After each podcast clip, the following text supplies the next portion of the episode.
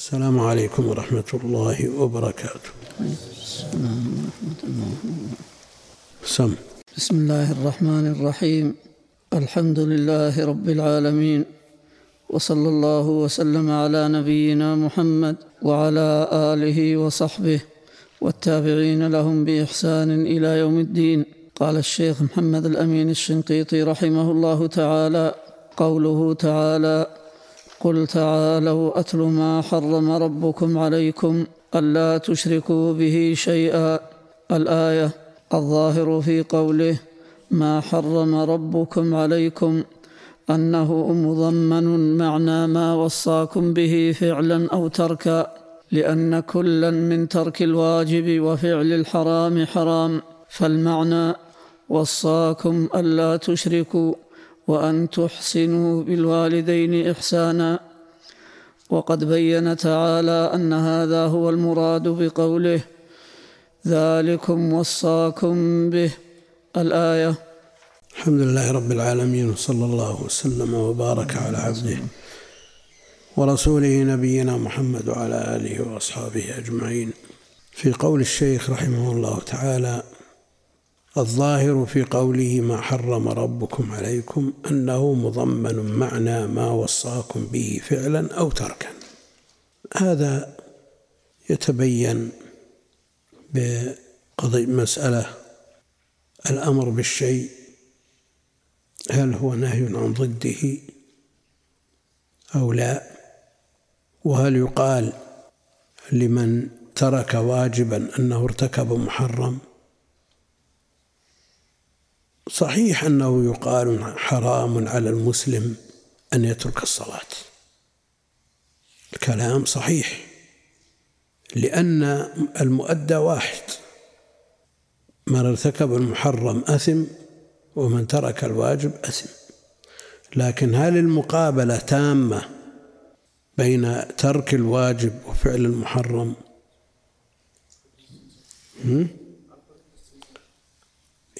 مسألة دلالة اللزوم معروفة لأن هذا يلزم منه هذا لكن الظاهر في قوله ما حرم عليكم أنه مضمن.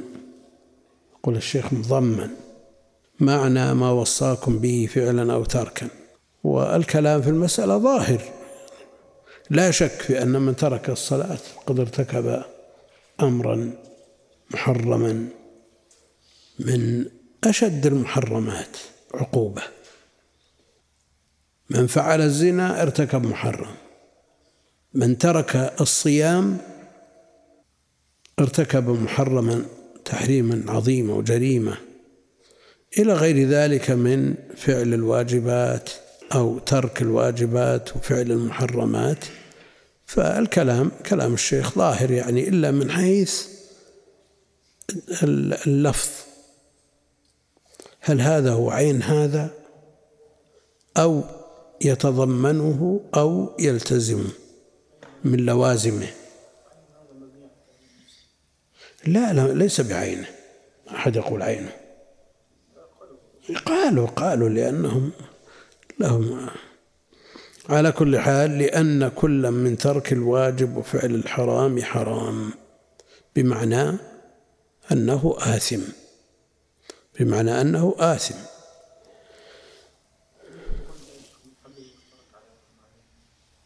ما تجي مشترك.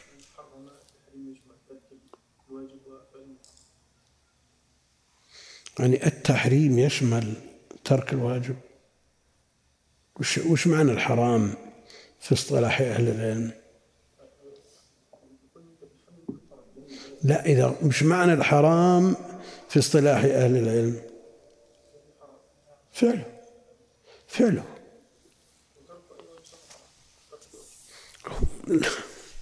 لا ليس من باب الدلالة اللفظية. لا. ها؟ الترك فعل. الترك فعل. ولذلك يدخل تدخل التروك في إنما الأعمال بالنيات. واستدلوا لذلك بقوله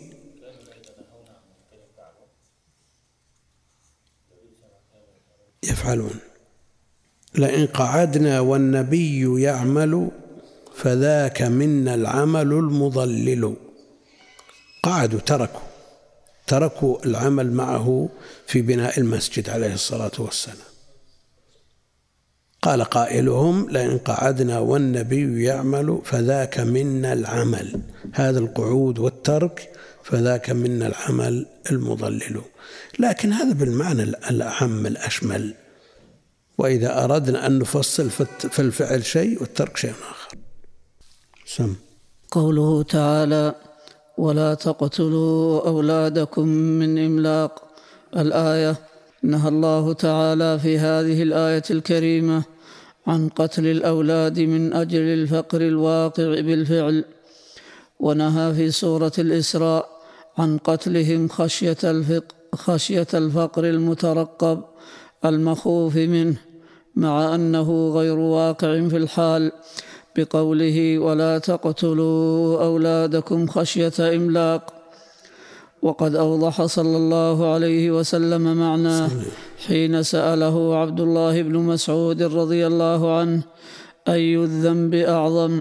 فقال أن تجعل لله ندا وهو خلقك ثم قال ثم أي قال أن تقتل ولدك خشية أن يطعم معك. قال ثم أي قال أن تزاني حليلة جارك. ثم تلا رسول الله صلى الله عليه وسلم. والذين لا يدعون مع الله إلها آخر ولا يقتلون النفس التي حرم الله إلا بالحق ولا يزنون. الآية وأخذ بعض أهل العلم من هذه الآية منع العزل لأنه وأد خفي. وحديث جابر كنا نعزل والوحي ينزل يدل على جوازه. لكن قال جماعة من أهل العلم إنه لا يجوز عن الحرة إلا بإذنها ويجوز عن الأمة بغير إذنها. لأن الحرة لها شركة في الولد والأمة لا شركة لها. حيث إذا كان أبوه رقيقا يمكن بيعه وتوفيته عليها. فلا فلا تحتاج أن تستأذن. نعم. والإملاق الفقر وقال بعض أهل العلم الإملاق الجوع وحكاه النقاش عن مؤرج وقيل الإملاق الإنفاق. يقال أملق ماله بمعنى أنفقه. وذكر أن عليا قال لامرأته أملقي ما شئت من مالك. يعني أنفقي. نعم. وحكي هذا القول عن منذر بن سعيد ذكره القرطبي وغيره والصحيح الأول. منذر بن سعيد البلوطي من فقهاء المالكية في الأندلس مشهور. نعم. والصحيح الأول قوله تعالى ولا تقربوا مال اليتيم إلا بالتي هي أحسن حتى يبلغ أشده الآية قد يتوهم غير العارف من مفهوم مخالفة هذه الآية الكريمة أعني مفهوم الغاية في قوله حتى يبلغ أشده أنه إذا بلغ أشده فلا مانع من قربان ماله بغير التي هي أحسن وليس ذلك مرادا بالآية بل الغاية ببلوغ الأشد يراد بها أنه إن بلغ أشده يدفع إليه ماله إن أونس منه الرشد كما بينه تعالى بقوله فإن آنستم منهم رشدا فادفعوا إليهم أموالهم. الآية. والتحقيق أن المراد بالأشد في هذه الآية البلوغ بدليل قوله تعالى فإذا بلغوا النكاح فإن آنستم منهم رشدا.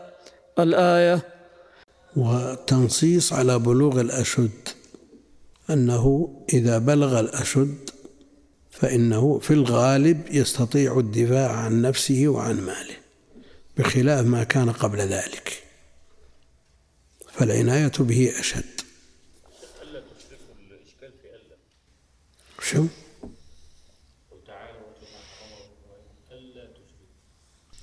إيه؟ أن لا تشركوا. وحرم ألا نعم. حرم ألا نشرك لا لا. صيغة النهي لا تشركوا. حرم عليكم أن لا تفعلوا هذا الفعل.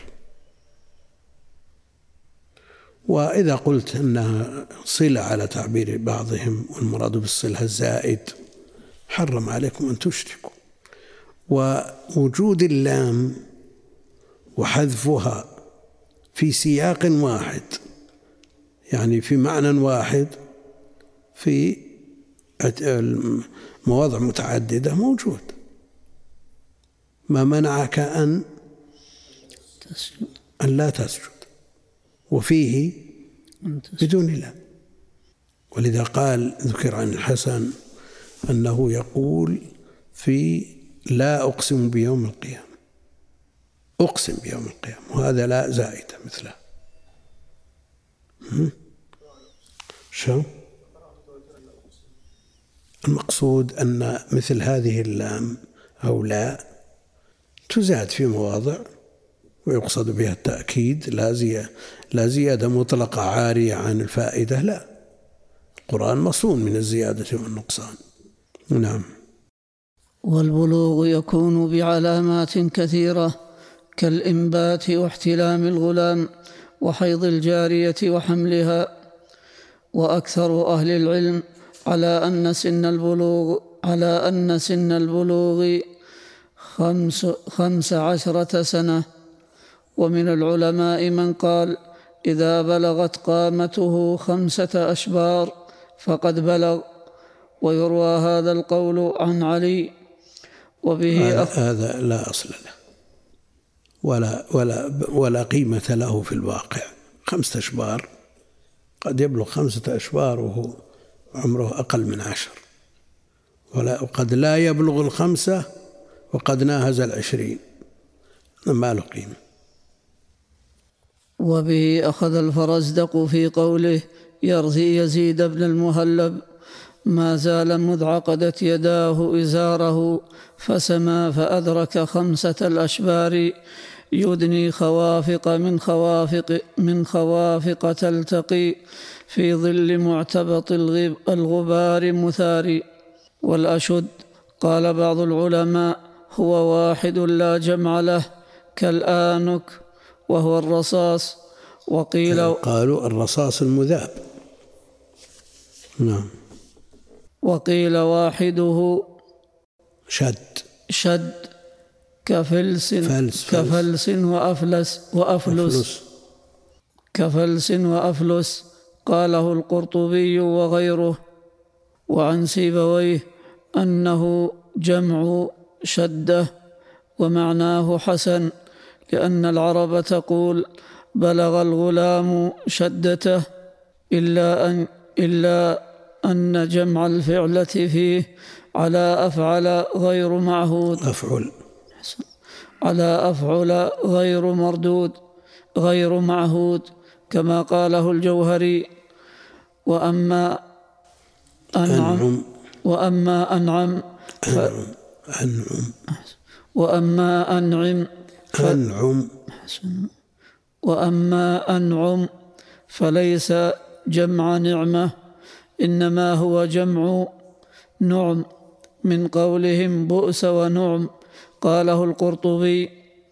وقال أيضا وأصل الأشد من شد النهار إذا ارتفع يقال أتيته شد النهار. وكان محمد بن محمد الضبي ضبي. الضبي ينشد بيت عنترة عهدي به شد النهار كأنما خضب اللبان ورأسه بالعظلم. وقال الآخر تطيف به شد النهار ضعينة طويلة أنقاء اليدين سحوق قال مقيده عفى الله عنه. ومنه قول كعب بن زهير شد النهار ذراعا عيطل نصف قامت فجاوبها نكد متاكيل. فقوله شد النهار يعني وقت ارتفاعه وهو بدل من اليوم في قوله قبله يوما يظل به الحرباء مصطخدا كأن ضاحيه بالشمس كأن ضاحيه بالشمس محلول فشد النهار بدل, بدل من قوله يوما بدل بعض من كل كما أن قوله يوما بدل من إذا في قوله قبل ذلك كأن أوب ذراعيها إذا عرقت وقد تلفع بالقور العساقيل لأن الزبن المعبر عنه بإذا هو بعينه اليوم هو بعينه اليوم المذكور في قوله يوما يظل البيت ونظيره في القرآن قوله تعالى فإذا جاءت الطامة الكبرى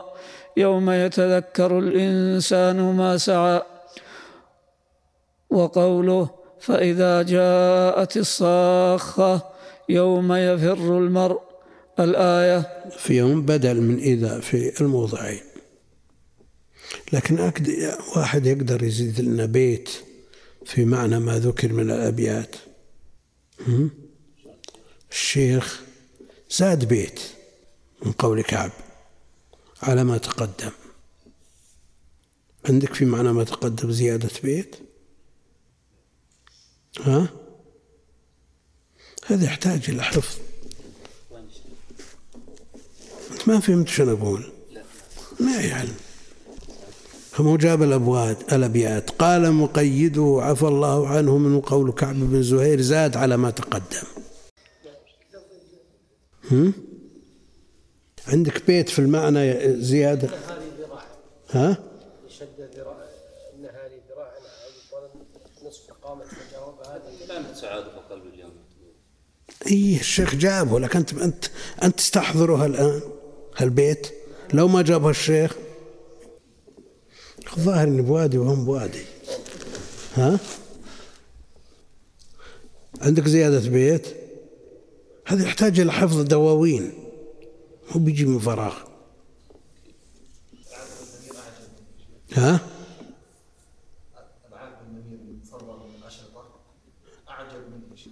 في الزيادات وبعض الأحيان في رد القواعد يأتي في قاعدة يقول قال السبوي كذا وشواهد القرآن تدل على خلافه ويسردها سرد بالترتيب معروف معروف. حفظ الشيخ مذهل. حفظ الشيخ شيء مذهل. ومن أبناء بلده من هو أعجب منه. يعني ما هي بالمسألة بلدهم شيء غريب الحفظ فيه. لأنهم يعتنون أو يعنون بالحفظ من أول الأمر. كثير منا ومن طلاب العلم مع, مع الأسف الشديد لا يلتفت إلى العلم إذا تخرج من كلية الشريعة.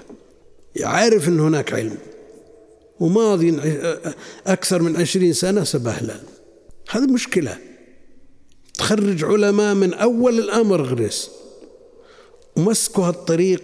كنا نظن أن حفظ الأحاديث من المستحيلات. كنا نظن هذا. وغاية مبلغنا البلوغ. مو بصحيح. تجد من يحفظ الستة أو غيرها. الحين زوائد البيهقي تحفظ. لأن الناس عرفوا من البداية مسكوا الطريق من أوله. فأولئك في شنقيط وفي غيرها ولذلك يفكر بعض الناس أن يرسل أولاده إلى هناك. يا أخي أنت ربهم على هذا هنا. صحيح أنك لا تجد من يعين لكن احرص وابذل ويعينك الله. إيش عندك؟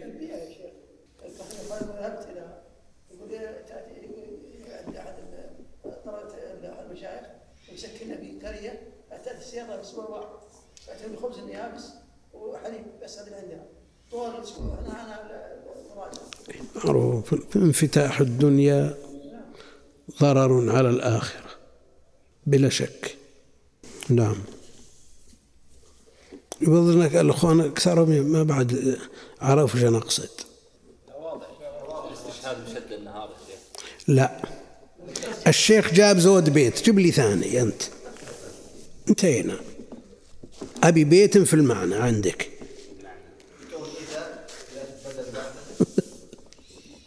وإلى الآن. لا لا لا سم.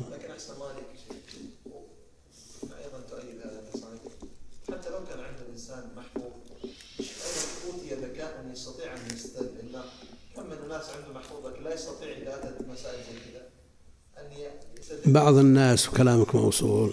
بعض الناس يتصدى للمناظرات؟ وعنده علم. لكن ما عنده حضور بديهة. إذا سئل أورد عليه شبهة ما ينتبه إلى حلها إذا إلا إذا أوى إلى فراشه. وش الفائدة؟ ينفع هذا في المناظرات؟ ما ينفع. نعم.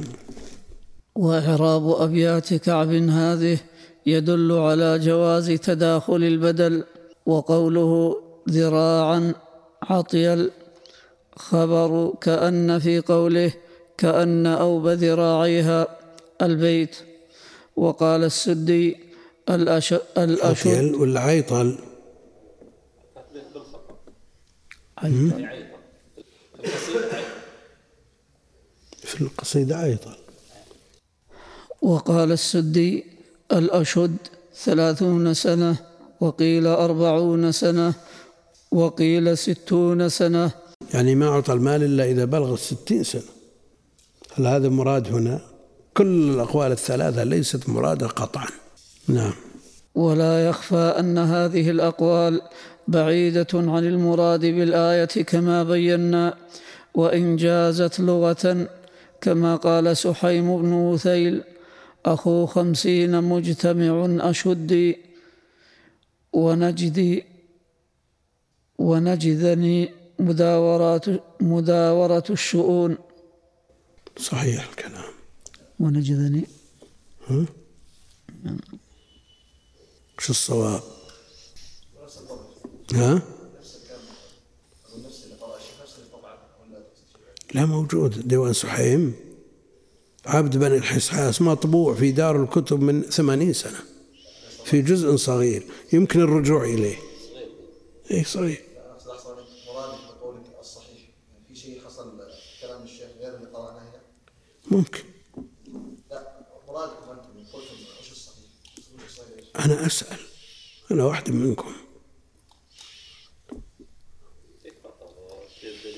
بداية الشطر الثاني.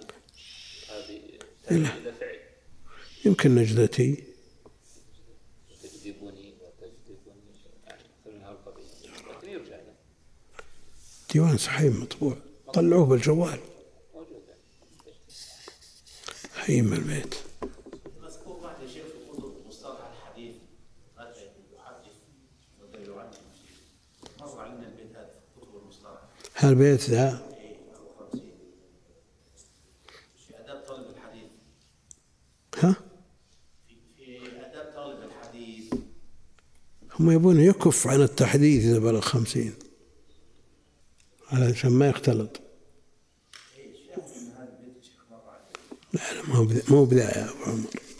فيه ذكر للخمسين وقالوا في بداية طلب الحديث واختلافهم في البداية ومتى يبدأ في الطلب فمنهم من قال البداية بالخمس وهذا قول أكثر أهل العلم لأن لبيد محمود بن لبيد عقل المجة التي مجها النبي عليه الصلاة والسلام في وجهه وهو ابن خمس سنين. وقيل عشر وقيل أكثر وقيل ثم قال ابن الصلاح والصواب أنه متى عقل السؤال ورد الجواب جاز إسماعه الحديث. وما لم يبلغ هذه المب... يعني التمييز. وما لم يبلغ إلى هذا الحد من المعرفة لم يجز أن يسمع الحديث ولو بلغ الخمس ولو بلغ الخمسين. قالوا هكذا لأن المعول على الفهم. نعم صلى الله عليك كلمة اللي فيها غرابة ونجدني ونجدني من عضوا عليها بالنواجذ يعني يعني أحكمته أحكمته مداراة الشؤون في تشكيل يا شيخ لكن تشكيل بين أو تشكيل كتاب العدل من الشيخ لا نريد الكلام الديوان. ها؟ شاهد؟ لا نريد الديوان. الديوان مطبوع وطبع دار الكتب وأهل عناية شديدة.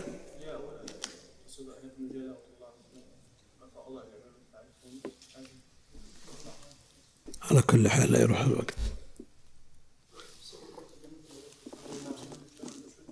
مثله؟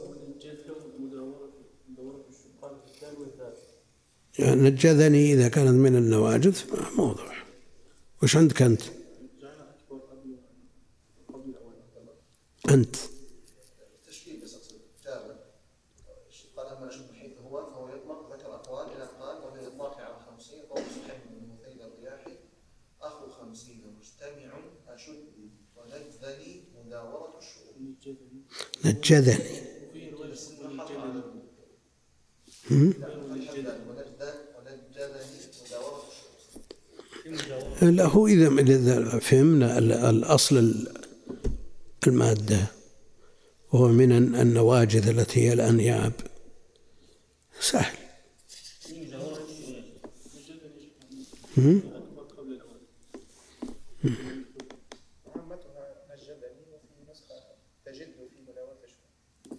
لا لا. كمل الشيخ هذا شخص صح- سحيم بن وثيل يختلف عن سحيم بن الحساس ولا عبد بن الحسحاس هو سحيم بن وثيل الرياحي عبد بني الحسحاس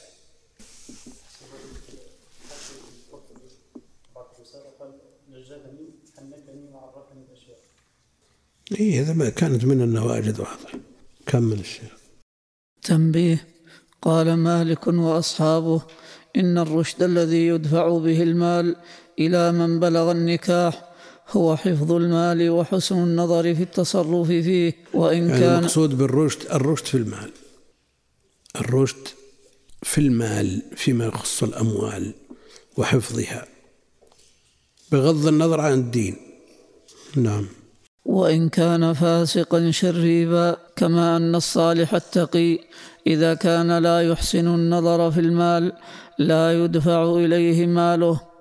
قال ابن عاصم المالكي في تحفته وشارب الخمر إذا ما ثمر لما يلي من ماله لن يحجر وصالح ليس يجيد النظر في المال إن خيف الضياع حجر. ضياع. إن خيف الضياع حجر. وقال الشافعي وموافقة لا يكون الفاسق العاصي رشيدا. لأنه لا سفه أعظم من تعريضه نفسه لسخط الله وعذابه بارتكاب المعاصي. والله تعالى أعلم. قوله ولذلك قال بعضهم لو أوصى لأعقل الناس صرفت وصيته للعباد. هم الذين دلتهم عقولهم على الصحيح من التصرف. نعم. قوله تعالى وأوفوا الكيل والميزان بالقسط لا نكلف نفسا إلا وسعها. ها؟ والله كل شيء بحسب. المسألة مسألة مال. تعطي شخص بالغ الصلاح والعبادة والزهد لأن الزهد يبي يضيع أمواله في هذا الباب يعني بالذات هي المسألة حفظ أن يحفظ ماله. ثم بعد ذلك إذا اختبر ونجح في الامتحان وبلغ الرشد في حفظ المال وعرف بذلك إن أراد أن يصرفه فيما ينفعه في آخرته نعم بعد اجتياز المرحلة واستحقاقه لأخذ المال ما حد يلومه. أما أن قبل أن يعرف مستواه ويعطى المال يروح يتصدق به لابد من تجاوز شيء يعرف به استحقاقه لحفظ المال. أول الأمر. ثم بعد ذلك. الدنيا الدنيا ممر. ها؟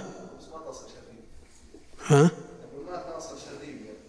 إيه لا لا أعوذ بالله. أعوذ بالله. اشتري بما يغضب الله. نعم. أمر تعالى في هذه الآية الكريمة بإيفاء الكيل والميزان بالعدل.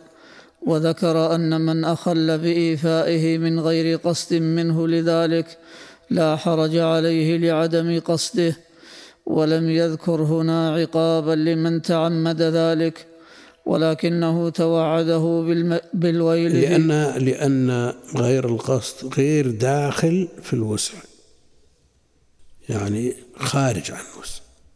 فإذا كلف أن يمتثل حتى مع غير القصد. معناه أنه كلف فوق وسعه. والاستثناء لا نكلف نفسا إلا وسعها. فما زاد على ذلك ما في تكليف. وغير المقصود زائد على ذلك. نعم. ولكنه توعده بالويل في موضع آخر ووبخه بأنه لا يظن البعث ليوم القيامة. وذلك في قوله ويل للمطففين الذين إذا اكتالوا على الناس يستوفون وإذا كالوهم أو وزنوهم يخسرون. ألا يظن أولئك أنهم مبعوثون ليوم عظيم يوم يقوم الناس لرب العالمين. وذكر في موضع آخر أن إيفاء الكيل والميزان خير لفاعله وأحسن عاقبة وهو قوله تعالى وأوفوا الكيل إذا كلتم وزنوا بالقسطاس المستقيم ذلك خير وأحسن تأويلا. وأحسن تاويلا والأحسن العاقبة. يعني أحسن فيما يؤول إليه الأمر وهو العاقبة. نعم. قوله تعالى وإذا قلتم فاعدلوا ولو كان ذا قربى.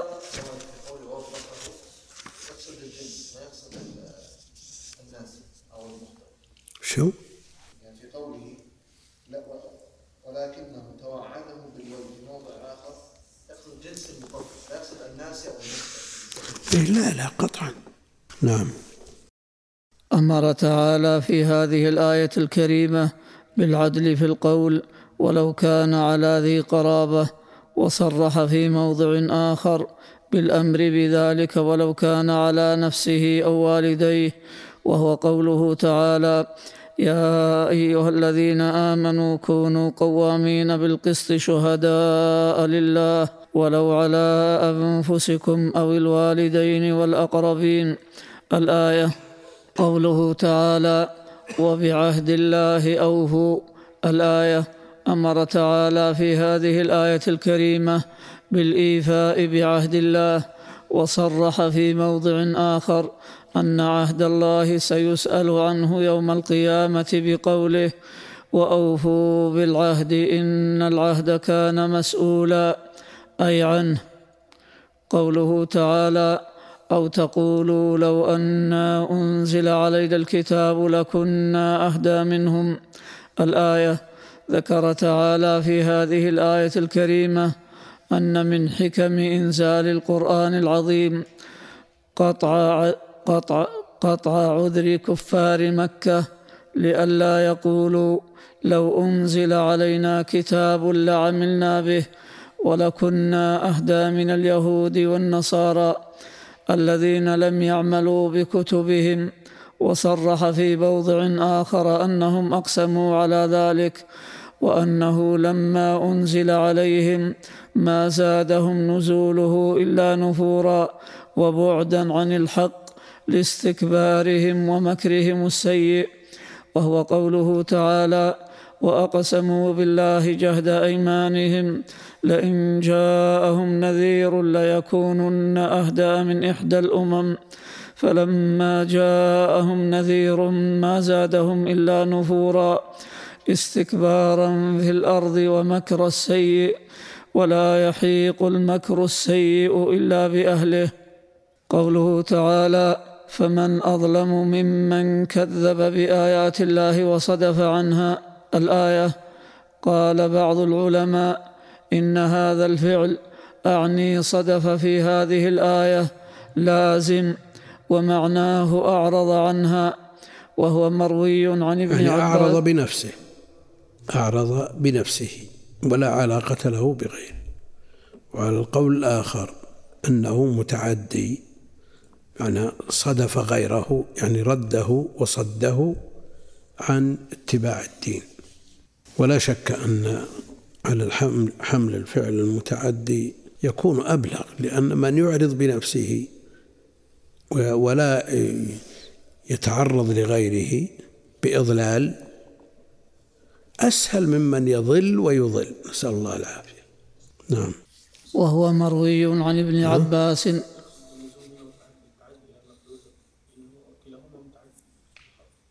صد بنفسه أعرض؟ ما تقول صد غيره. هو صد نفسه وأنت. لا. أعرض متعدي ولا لازم؟ لا لا ما عليك بالحرف. الكلام على المتعدي إذا تعدى بنفسه ولا كل اللوازم تتعدى بالحرف. وتعدى بالهمزة. نعم.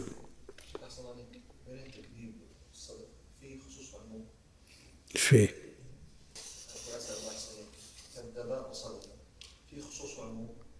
بين كذب وصدى؟ صدف لا لا. ما ما بين هنا يعني لأنه قد يكذب. نعم. يعني من لازم التكذيب الصد وليس من لازم الصد التكذيب. قد يصد وغير م- وهم غير مكذب.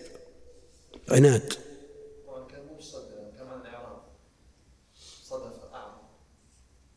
صدف. صدف بمعنى يعني هو صد بنفسه صدف وأعرض بنفسه. هذا اللازم. وأعرض غيره. يعني جعل غيره يعرض. صد غيره وصدف غيره هذا المتعدي. شو؟ لا قد يعرض آه، مكابرة. مو مو يعني يكذب ولو كان يعلم أنه ليس كذب يكذب يعني ما ما يعتقد أنه كذب لكن يكذب. يقول أنت بس كذاب كذا. يصير الإعراب مبني على كذا. لا يكذب. تكذيب الإعراض لازم. يعني كذب بنفسه ما له علاقة بغيره. وكونه كذب غيره أو جعل غيره يكذب هذا المتعدي. والمادة كلها محتملة للزوم وال- وال- والتعدي. نفس الفعلين أيضا محتملين؟ محتمل إيه. إيه. يلزم الآخر يعني يلزم من إعراب تعرف أن أصل المادة المصدر. والمصدر مشترك بين الجميع. المصدر مشترك بين الجميع. ويجمع معانيها كلها. لكن كل اشتقاق أو مشتق له خص- خصيصته. نعم.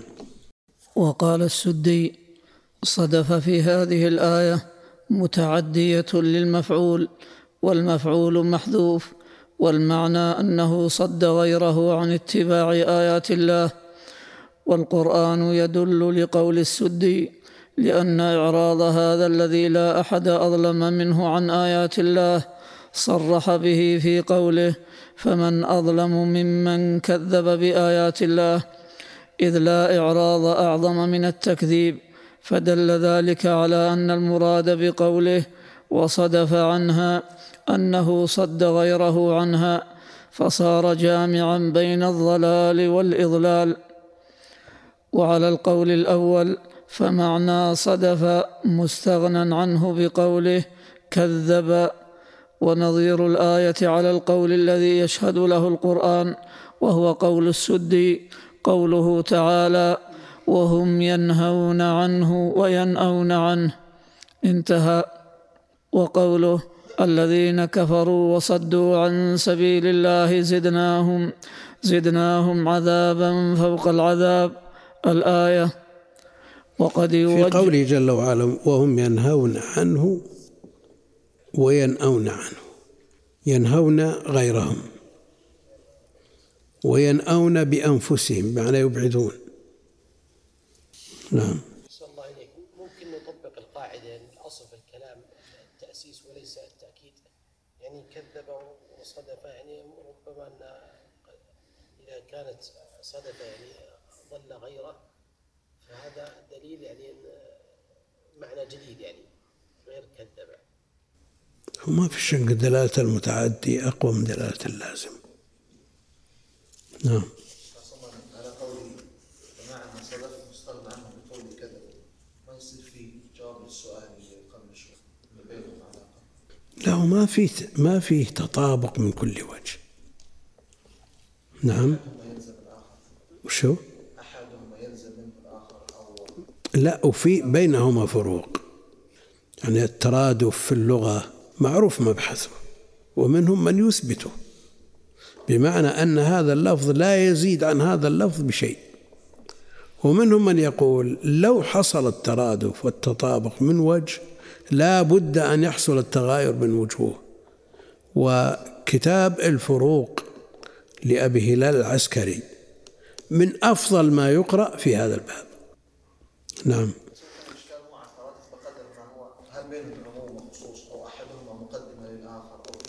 لا لا- بينهم بينهم بلا شك بينهم تقارب. يعني مو بتباين هذا لا صلة له بهذا البتة حصل اذا كان صدف فلا بد ان يكون مثلا حصل قبله تكذيب زي كذا مثلا أو ان الصدف اعم من التكذيب هذا كان السؤال والله تحتاج ل- راجع ها؟ قد يوجد في ولكن ما يصد غيره يوجد من يصد يصد غيره وهو مصدق ما يلزم الآخر. ويناسب اذا لا. قد يصد خيره حسنا ويريد هذا الأمر له الآخر ما في تلازم في الجملة لكن بينهما قاسم مشترك. بينهما قاسم. وين؟ الضلال. نعم. وقد يوجه قول قول ابن عباس وقتادة ومجاهد بأن المراد بتكذيبه وإعراضه أنه لم يؤمن بها قلبه ولم تعمل بها جوارحه ونظيره قوله تعالى فلا صدق ولا صلى ولكن كذب وتولى. ونحوها من الآيات الدالة على اشتمال الكافر على التكذيب بقلبه وترك العمل بجوارحه. قال ابن كثير في تفسيره بعد أن أشار إلى هذا. قد ولكن يوجد من أنواع الكفر ما يختلف عن هذا مثل النفاق مثلا. يكذب بقلبه ويعمل بجوارحه. ويعمل بجوارحه وقد يصدق بقلبه على افتراض ولا يعمل بجوارحه كحال كثير من المسلمين الذين تركوا العمل ورأوا أنه لا يدخل في الأصل كال- كالمرجئة مثلا. على هذا الكلام أن مثل هؤلاء لا حظ لهم في الإسلام كالمنافقين لأنهما أمران لا بد منهما. الاعتقاد والعمل. فمن لم يعمل شيئا ألبتة هذا من لازمه عدم التصديق بالقلب. وإن كانوا يقولون التصديق غير الجوارح. نعم. قال ابن كثير في تفسيره بعد أن أشار إلى هذا ولكن كلام السدي أقوى وأظهر والله أعلم. وإطل نعم.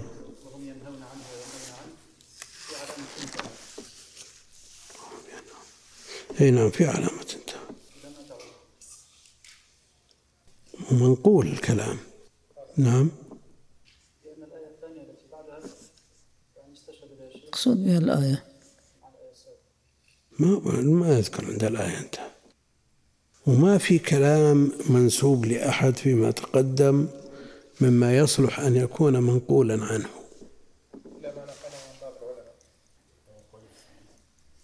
هذا كلام صح؟ قال بعض العلماء إن هذا الفعل آني. والغالب أنك تجده بحروفه في القرطبي. نعم.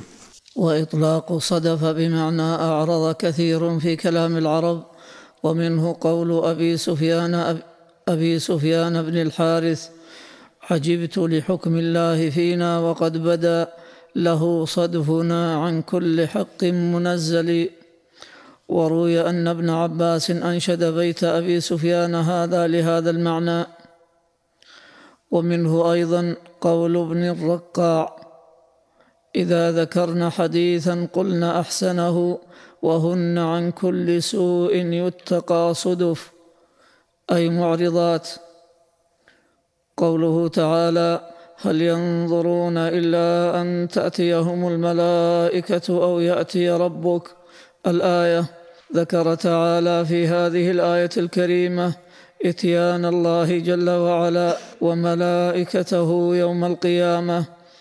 وذكر ذلك في موضع آخر وزاد فيه أن الملائكة يجيئون صفوفا ومنه وهو قوله تعالى وجاء ربك والملك صفا صفا وذكره في موضع آخر وزاد فيه أنه جل وعلا يأتي في ظلل من الغمام وهو قوله تعالى هل ينظرون إلا أن يأتيهم الله في ظلل في ظلل من الغمام والملائكة الآية ومثل هذا من صفات الله تعالى التي وصف بها نفسه يمر كما جاء ويؤمن بها نعم. ويعتقد أنه حق وأنه لا يشبه شيئا من صفات المخلوقين فسبحان من أحاط بكل شيء علما يعلم ما بين أيديهم وما خلفهم ولا يحيطون به علما. يعني مذهب أهل السنة من سلف الأمة وأئمتها الإيمان بكل ما جاء عن الله وعن رسوله ما يتعلق به جل وعلا من أسماء وصفات وأفعال يؤمنون بها كما جاءت. ولا يتعرضون لكيفياتها ولا يشبهونه بشيء من خلقه. يؤمنون بها كما جاءت على ما يليق بجلاله وعظمته. ومن ذلك صفة المجيء والإتيان التي جاءت بها الآية. نعم. صلى الله عليك يا شيخ بعض المفسرين قوله تعالى أن تأتيهم الملائكة قالوا ملائكة الموت. هل لذلك وجه؟ المقصود أن ما يتعلق بالبشر هو ما يدرك لكن الكلام الذي لا كلام فيه لأحد ما يتعلق بالله جل وعلا الذي لا تدركه العقول. كونهم يفسرونه بمجيء بنوع من أنواع الإتيان أو نوع من فيما يتعلق بالبشر تفسير آه، يسمونه؟